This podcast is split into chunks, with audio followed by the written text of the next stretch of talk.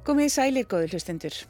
Hver kannast ekki við að hafa hort á grútlega myndbönd á YouTube eða Facebook af hundum að taka undir í lögum og verðast njóta þess af heilum hug? Já eða köttum að hjúra sig upp að eigundum sínum eða þeir spila tónlist, páagaugum að dansa eftir rocktónlist, já eða jáfnvel fílum að dilla sér við túnskinsónunduna. En hvað eru þau að gera? Upplifa þau tónlistin á sama hátt og við gerum eða býr eitthvað annað að baki? Ég ákvaði að fara á stúfana og kannamálið. Ég fór fyrst í heimsók til tveggja hunda sem eiga það sameigilegt að njóta tónlistar og syngja með. Það er hundurinn Snóker sem býr hjá tónlistarhjónunum Agnesi Löfi pjónuleikara og Reyni Jónasinni harmonikuleikara. Og svo er það Tíkin Sparta sem á heima í líðunum hjá Rúri Jónsdóttur og svo er það mín eigin Tík, hún Mirra, sem er, já, ekkert sérstaklega hrifin af tónlist yfir höfuð og þá sérstaklega ekki þegar ég sest við píanóð og spila. Síðar í þættinum mun ég svo spjalla við Hönnu Marju Arnósdóttur, dýralækni og dýraatferðlisfræðing sem veit nú sitt hvaðu um málið.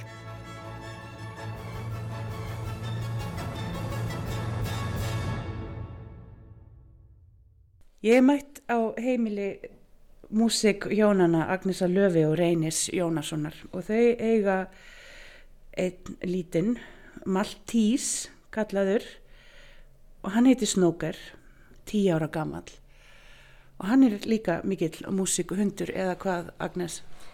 Já, hann var bara pínu lítill þegar hann fór að syngja. Fyrsta sem ég sá hann syngja það var uh, uh, Arja Omi og Babín og Karó og söng það mikill innlegun og svo hefur hann átt sér svona uppáhaldslög en hann syngur ekkert hvað sem er hann er ekki fyrir pop Hann er bara fyrir klassík? Já, bara fyrir klassík. En er þetta bara þegar þú spilar eða er þetta að þú setur plöta fónin eða hvernig? Nei, þetta, þetta hann vil sko hafa meðspilara. Hann spil, syngur ekkert með útverf eða sjónvarp eða eitthvað svolítið. Hann bara stillir sér upp eins og söngvari mm. og á réttan stað við flílinn. En þið eigið eitthvað svona morgun rútínu, segðum við aðeins frá henni.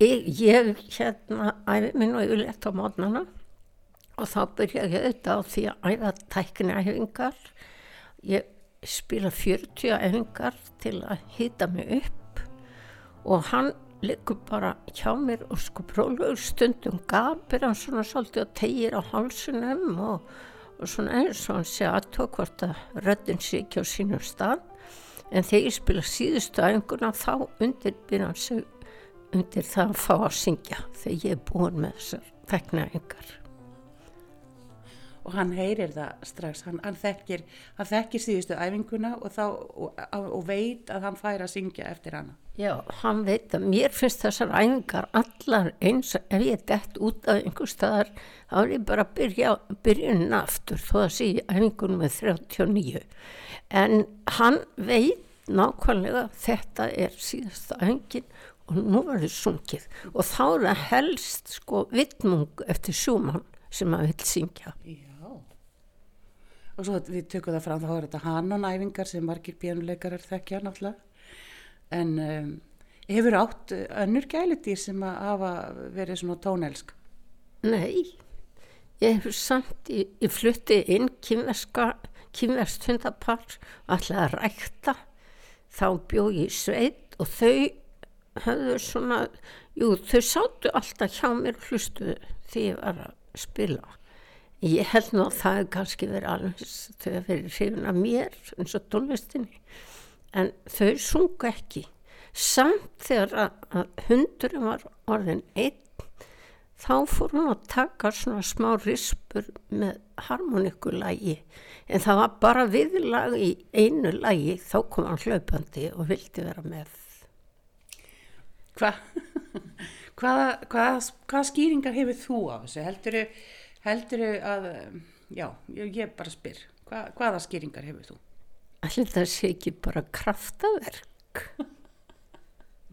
og þú segir að honum hún finnst gaman að syngja fyrir fólk hann vil hafa áhærindu líka já, hún finnst það mest gaman yeah. og, og helst sem flesta en hann hefur nú ekki mikið úttald sko til að, Óskaplega síni þörf. Hann hefur síni þörf. Já. svona eins og Karlkins hafa. Hann er, hann er performer sem sagt. Já, Já. hann er það. Já. En nú er hann orðin eh, tíu ára og þú sagðir að hann væri svona ekki með eins mikið úthaldið og áður. Nei, hann, hann syngur sjaldnar og vil syngja stittri lög. Nú syngur hann ekki lengur sjúmann, nú syngur hann lag, danslag úr sjónvarpsserju sem hann tók ástfóstri við. En, og, en svo er hann svolítið ódreiknalegur. Stundum tekur hann undir í svona alls konar lögum, s- þó hann þekki þau ekki eða. Það er hann held ég bara í stöðu til að syngja. Eigum við, eigum við að prófa, fyrst hann er nú farin af, stað, að sjá hvort hann, hann er í einhverju söngstuði núna. Snoggi, Snoggi, viltu koma að syngja? Viltu koma að syngja? Já, þá bara, þá tekur hann sér stöðu, takk fyrir.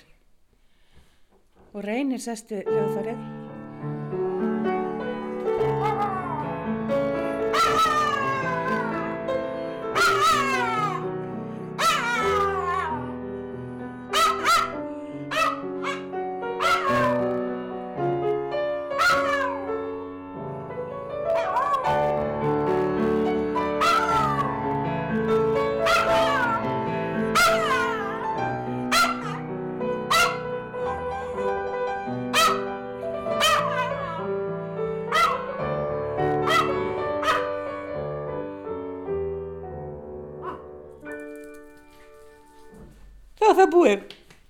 Nú, ég hef aldrei séð annað eins. Snóker, þú ert frábær. Er. Þetta er mikil tilþrif. Hann stóð beint við, við flíilinn og, og byrjaði. Já, já, hann stendur alltaf hér. Já, Hann hefur séð sko söngvar að standa hér. já. Og stendur það sem söngvararnir standa. Já, hérna hér, ég hef aldrei á æfinni vitað annað eins. En þetta er lagið úr hvað, er þetta ekki, hvað, ekki krónikan, Ma- Matador? Matador lagið. Eða að prófa annað? Sjá hvort hann er í einhverju stöði? Hann, það er annað að spila hérna. Það Ef að heyra meira, snúkar. Heyrist þá svo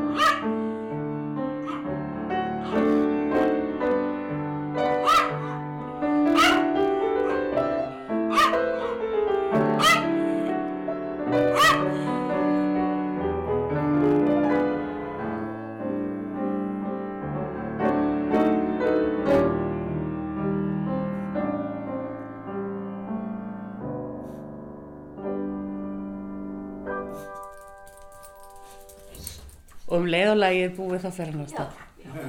Þá klappa. Já, það var að klappa. Já, ég kann. Og ég get svarið að ég sé svipriði í, í túlkun hjá honum. Það Ha. voru ekki upp, upp á þessu lagi líka. Hva, hvaða lag var þetta? Mm, Þetta heitir Ísland Rainy Day. Já. Ég veit ekki þetta hvað, þetta er svona gammal slagari. En hann er með svolítið svona romantíst hjarta þá, væntalega. Já, ég held það. Hann, Annars er hann svolítið ódreiknulegur, sko. já. Hann hefur ekki, ef, að, ef að þú hefur verið að spila Bach, hvað gerir hann þá? Hann, jú, hann finnst svona, sko, lag og lag. Já. Ekki, ekki endilega.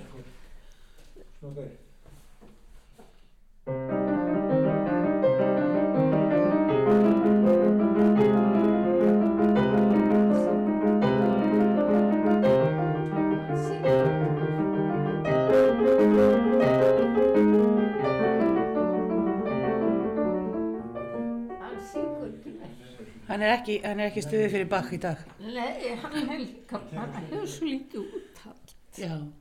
Orðin, orðin svolítið gammal. Já, og hafði svo sem ekkert voðalegt úttalt, sko, heldur þegar var hungur. En það er orðið minna.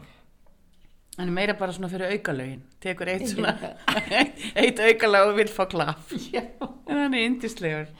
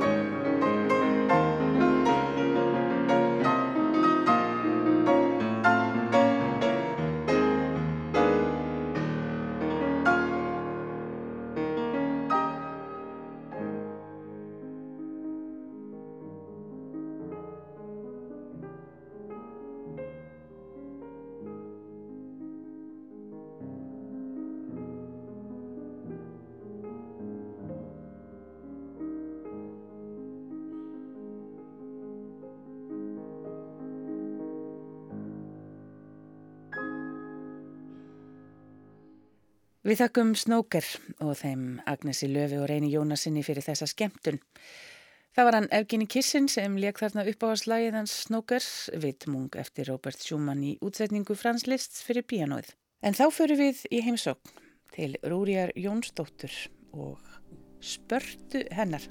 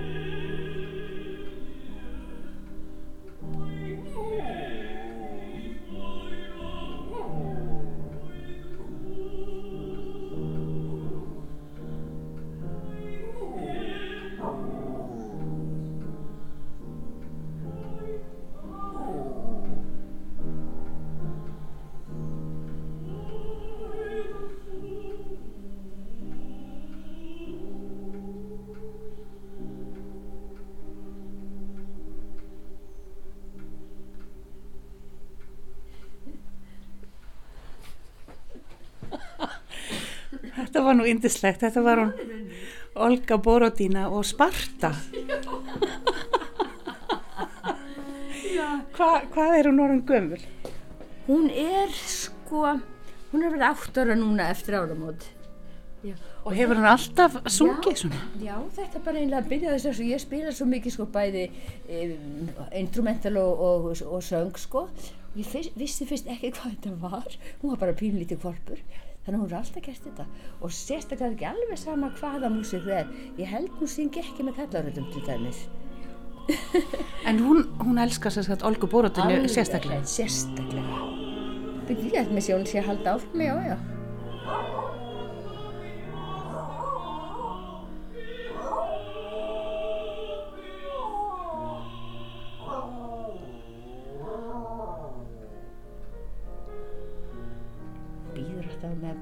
Pianoið er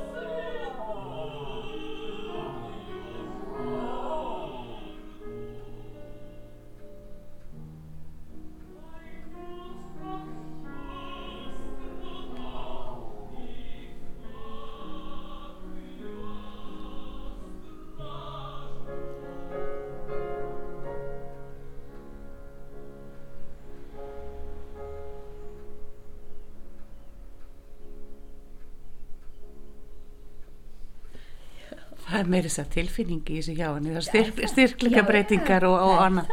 Já, ég vissi vist ekki hvað var að gerast hérna og hún var svo lítil, hún var bara lítið korpu.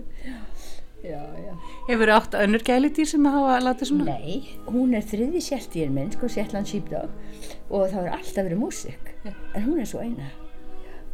Sem að, sem að tekur undir? Já, já, og syngur bara og, og oft finnst mann það bara að vera svona in tune, að vera bara alveg að. Já, já, en það er svo rólegt að við erum bara tvær og hérna inni. Hún byrjar ofta en ef það eru margir í kring og eitthvað að taka hann upp hann inni, sko, þá er hún spennt. Nei. Hún vil bara þetta sé hún og músíkinn. Já, hún, hún er ekki, ég, að ég var sko upp í Breiðholti hjá Agnes eh, Löfi og, og Reyni Jónasinni og það er sko performer. Hann vil hafa sem flesta Já. og hann stendur við flíilinn svona eins og tenorsöngvari. Já, já, já. Nei, hún veit við að gera þetta svolítið prí, svona prívat. Eh, Þegar þú ferð út og skilur hann eftir heima, uh, skilur þú músik eftir áfyrðana? Nei, ég hef nú ekki gert það sko. Nei, þegar, þegar ég fyrir út, ef ég er ekki að fara á bíl, þá fyrir hún bara alltaf með mér sko. Já. Hún notar alla göngutur, eða ég not- nota alla göngutur til að fara með hana.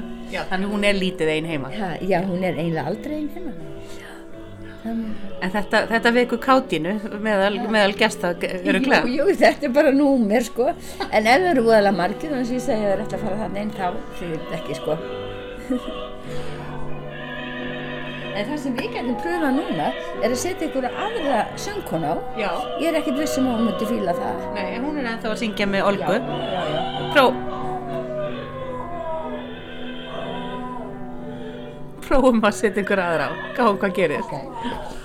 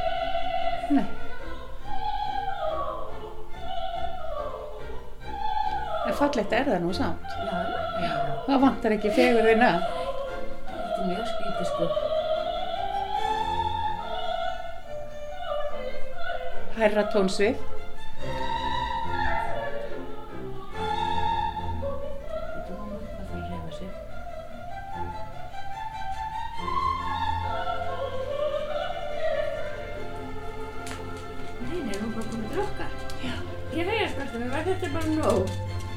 Johan Sutherland ekki alveg að hennar skapi núna? Nei, það er bara Olga. það er Olga. En þú, ég hef nú ekki pröfað að kalla þetta, en ég held ekki sko. En það, það er greinlegt, hún á sér, hún á sér alveg sitt upp á hald. Já. Það er alveg auðsjáanlegt. Var að prófa aðeins að setja hana Olgu á aftur, sjá hvað gerist. Já.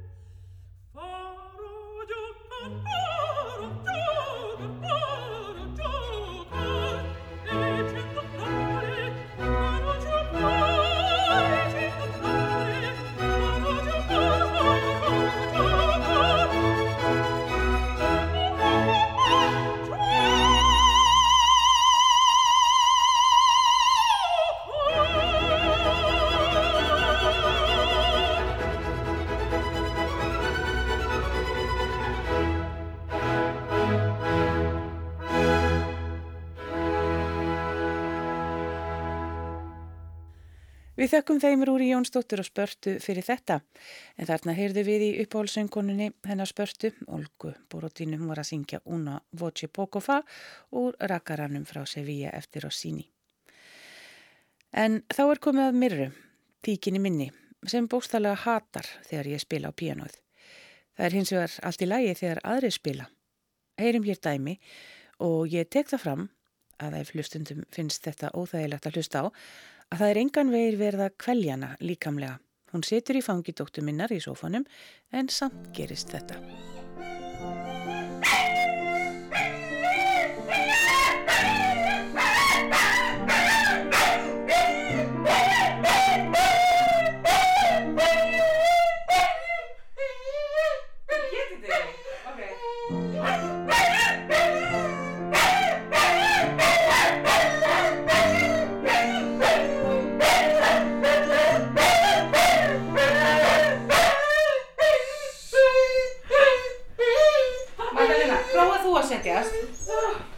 Setjast. Það er svo bara að pitta maður. Ég veit það. Prófa að setjast og nú, nú prófa þú að spila og ég sest í sófan. En hvað það er að spila? Það er eitthvað. Spila það eitthvað. Ná, sestu, sestu bara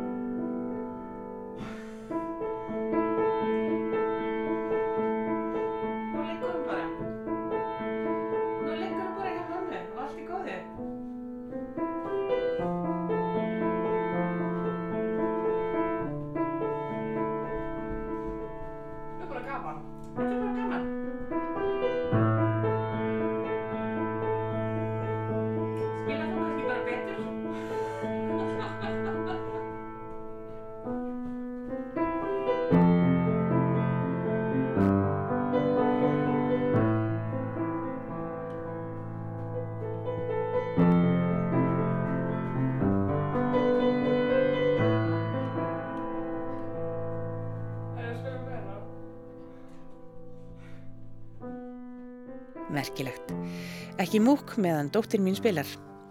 En kannski hefur Hanna-Maria Arnósdóttir dýralæknir einhverja skýringu á þessu. Og nú er ég mætt á dýraspítalan í Garðabænum og hér er Hanna-Maria Arnósdóttir, dýralæknir og dýraatferðlisfræðingur. Ég er með sérgrein sem atferðlisfræði er að læra það Já. í dag. Og það er meira svona hvernig þá dýr haga sér eða? Já, almennt bara um uh, atferðlishegðun uh, dýra uh, og hvernig við getum stutt á þegar þeim líður illa með því að huga ekki bara hennu líkamlega heldur líka hennu sálarlega. Mm. Og er, kemur fólk svona til, til þín með dýrin sín svona eins og í sálfræðitíma?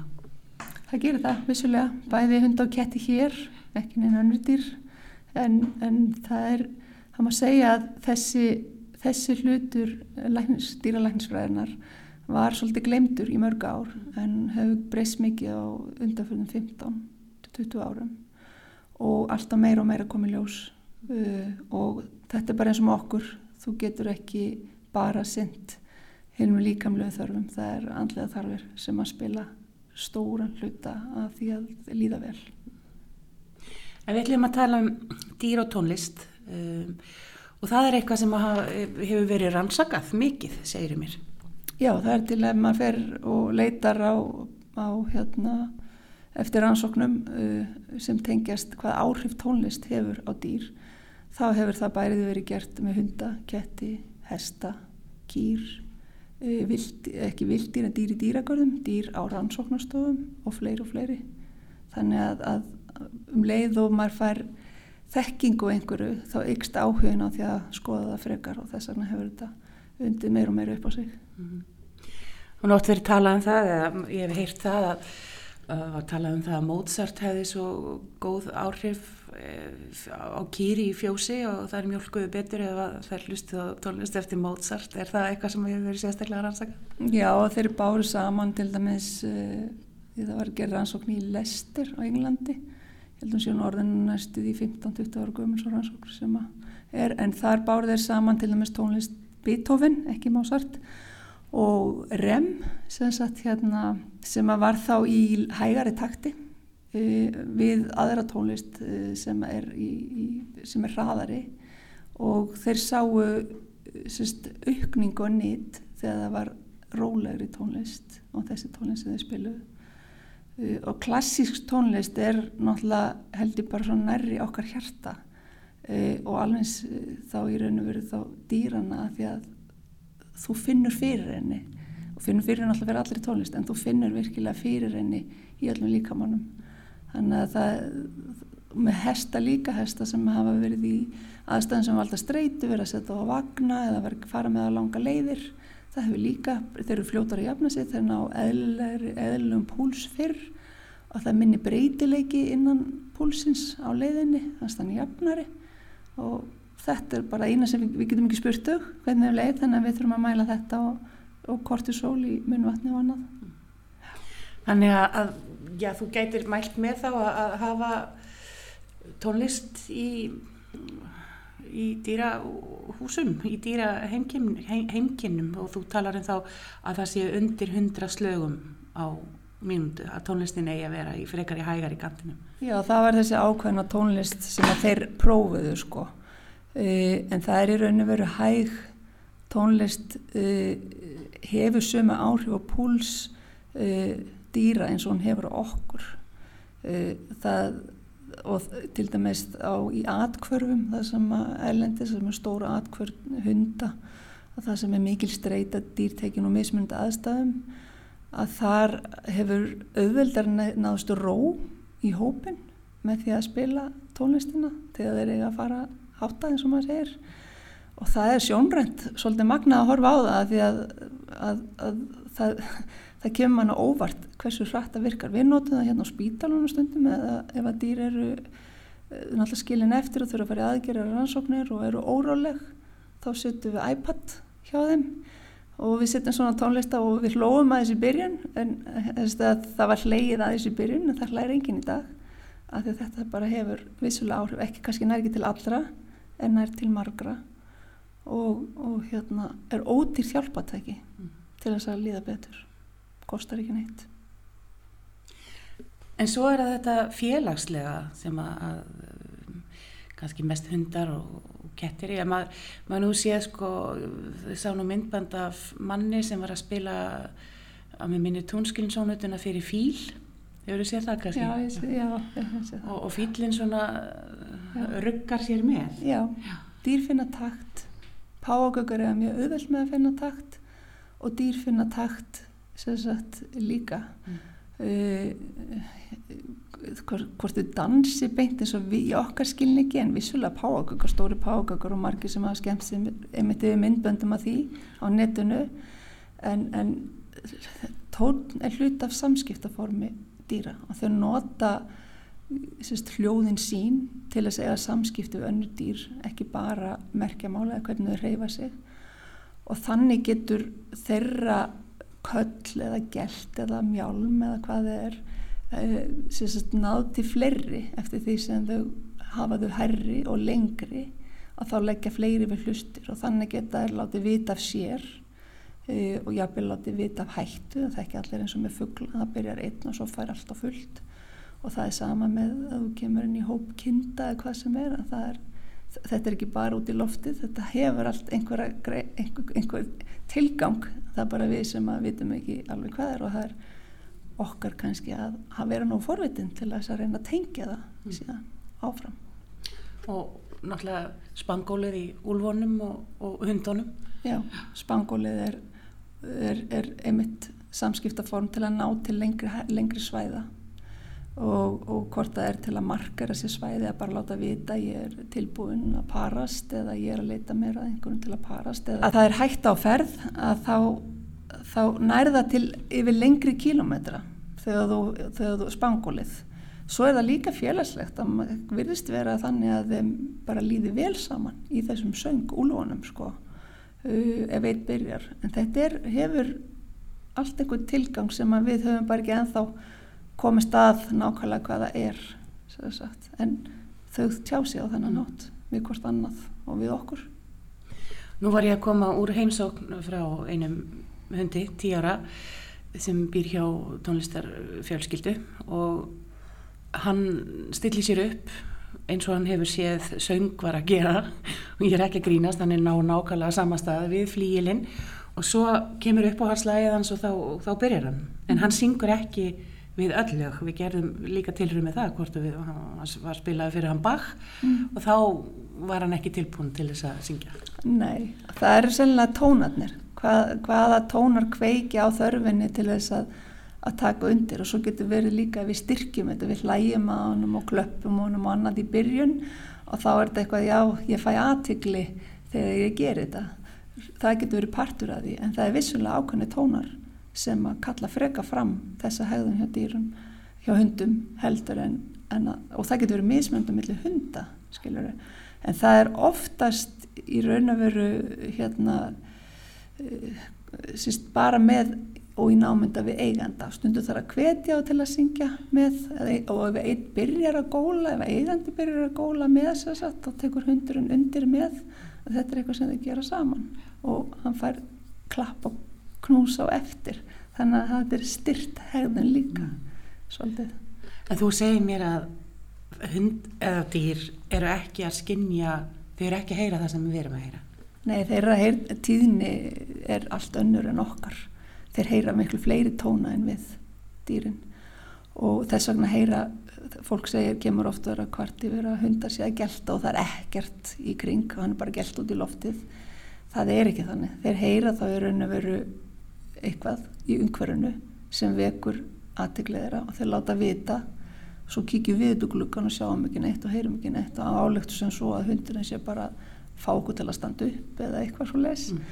en þeir, þeir vissilega heyra eitthvað og e- ef að hérna, hérna maður spáir í því hvað þeir heyra vel og hvað er mikil háfa í kringum okkur hvað við tölum hátt og hvað er eins og í, í, í hérna í fjölmenni eða það sem er eða bara í bænum, það sem er strætór alls svo les, það er þessi stundum mjög erfitt að vera dýr og þarf að læra að útiloka þessi hljóð og geta einangra önnur sem að snúa meira þér Mm. en það getur valdið óta hjá mörgum dýru sem er ekki vönus Mm. sem koma til dæmis úr sveitum eða úr einangrun þar sem þau hafa alist upp sem kvolpar og, og verða bara hrætt í, í að þau heyra svolítið aðra, aðra hlið á lífinu Mhm. hérna í kringum okkur en, en það sem þau hafa venjast Sko, en eins krútlegt og þetta getur verið þegar að, hundar og, og, og kettir leggjast í fangið á eigundum og hundar syngja með og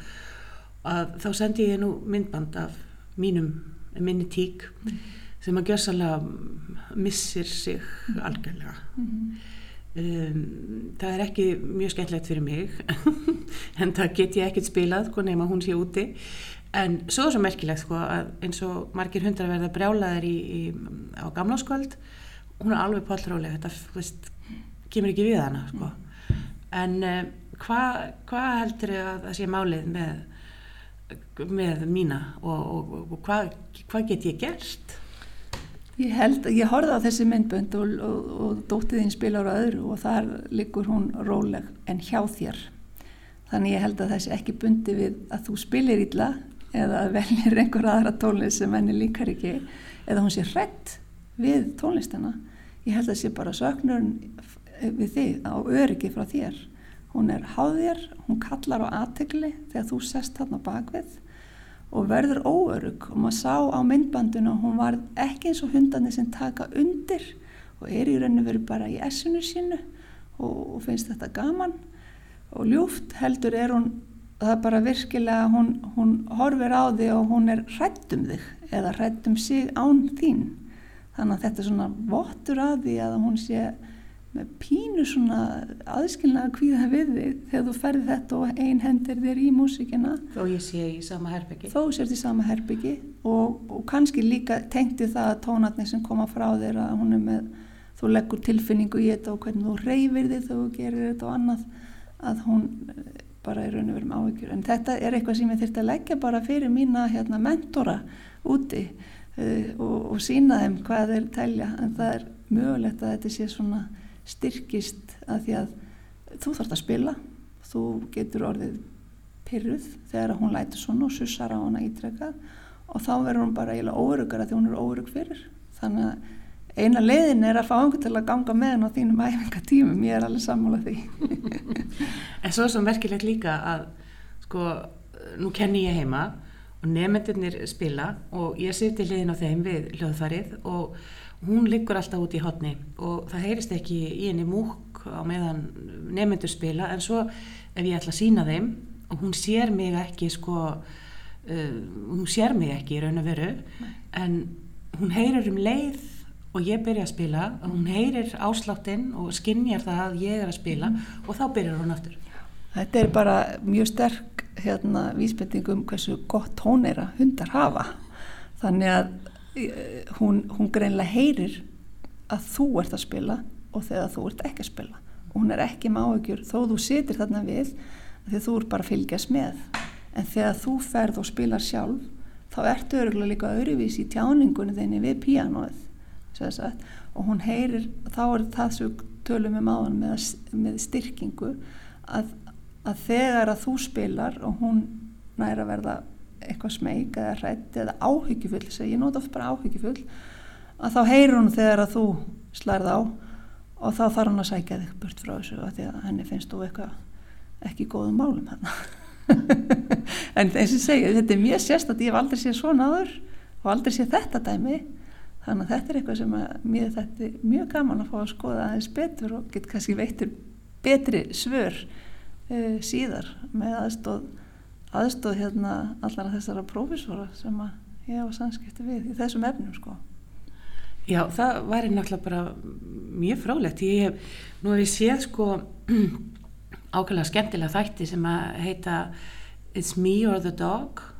Já. það sem að, að svona hundaþjálfari fer inn á heimili og, og lagar atferðli mm -hmm.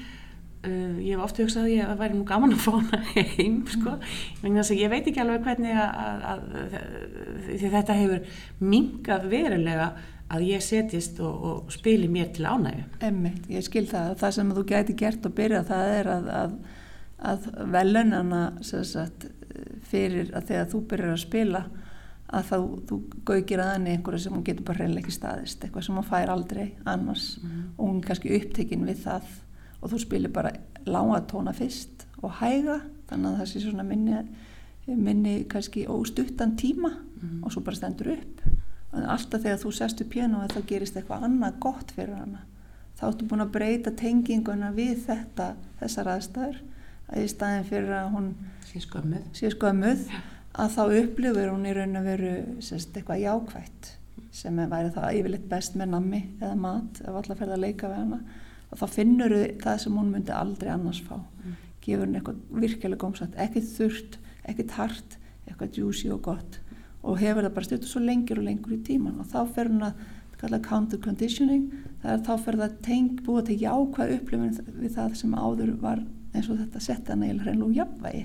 Því augun hennar standa reynilega á stilkum af þessu vídjói Já, ég ætla, hérna, ég ætla að fara í smá reyna að breyta þessari hegðun sjá, sjá hvernig gengur. En svona ég spyrja á lókum er, er þú eini dýra atfyrirlisfræðingurinn uh, starfandi hér? Í dag, sérst, ég er ekki hérna búin að ljúka mínu námi af fullu. Það var hérna dýralækni sem var útlæður í þessu. Svo er aðri sem kalla sig hundaatfælisfræðinga sem er vissuleiti þessi svona e, sagt, ráðgjafar en ég held í þessi eini dýralækni sem er á þessari bröti á í dag, vonandi að vera fleiri vegna þess að þetta kemur okkur öllum. Þetta skiptir miklu máli okkar starfi.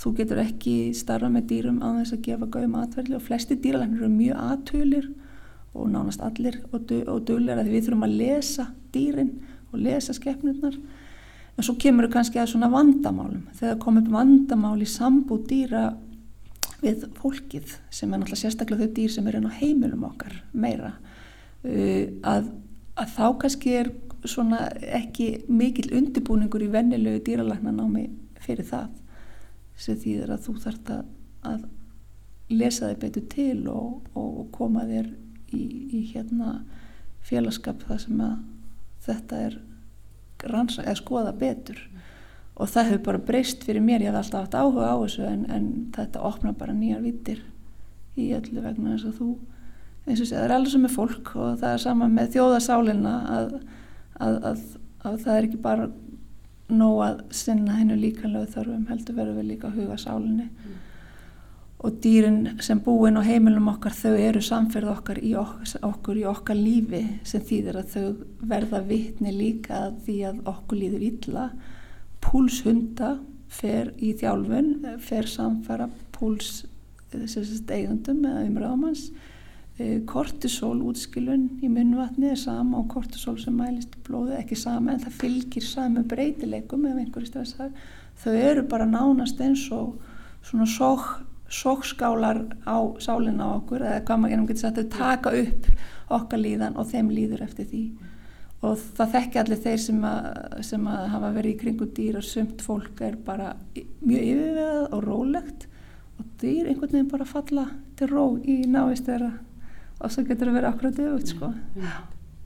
Og það er gaman þá að vita það að það sé ákveðin svona já, músikterapía til fyrir, fyrir dýr þá. Vissulega og eins og ég segja við, ég hef, hef ekki haft trú um að pældu bara ekkert í þessu en svo þegar, þegar maður prófaði þetta og sá þetta og sér þetta og það eins og segja virkar ekkert alltaf og ef þetta er mjög rætt þá nær það ekki að vera nóg. En þetta er svona stuðningur. Og það er til dæmis eitt kvolpur í, í þjálfun hinnum einn sem eitt starfsmæður á og hann greitt og vildi ekki að horfa á eftir henni og hann var í vinnunni og hann er hérna inn á, inn á spítalagi á okkur. Hann fær litla síman, iPhone-inn og svo er bara sett svona tónlist á og hann fer að sofa það, þetta, er, þetta er alveg ótrúlega flott Þannig að, að fólk sem þarf mikið að skilja hundana sína eða dýrin sín eftir heima mætti kannski hugsa þetta að hafa rólega tónlist á í bakgrunni? Já, hafa rólega svona fljótan tónlist ekki mikinn söng, ekki tal, þau eru ekki að hlusta fréttir og svoleiðis, heldur bara svona, það er tilfyllt á YouTube, heldur Calm Music for Dogs, kettir er öðruvísi, þeir, þeir eru með svona grítna tónlist sem ég á mjög erð með að hlusta ég, og ég hef ekki, ekki látið reyna á það, en það er sérstaklega hundanir og svo náttúrulega fjósum landsins og bændur við þetta miklu betur en ég hvað áhrif þetta hefur og hafa reyndað í, í, í tíu ára áður en að einhver dýralæknir fór að pæli því. Þannig að tónlistin er nánast allra meina bót þegar þeir líður ítli í sálinni Hanna-Maria Arnastóttir, takk kærlega fyrir að spjalla við mig Takk fyrir Ágetur hlustundur Við segjum þetta gott í dag. Kanski einhverju nærum hvernig dýr og þá sérstaklega hundar skinja tónlist en við því fást nú sjálfsagt aldrei neinn endanleg svör. Endum hér á músik sem YouTube segir okkur að rói ketti en ég verð nú að segja að hún hefur þver öfug áhrif á mig. En hvað um það? Þangar til næst hafi það sem allra best.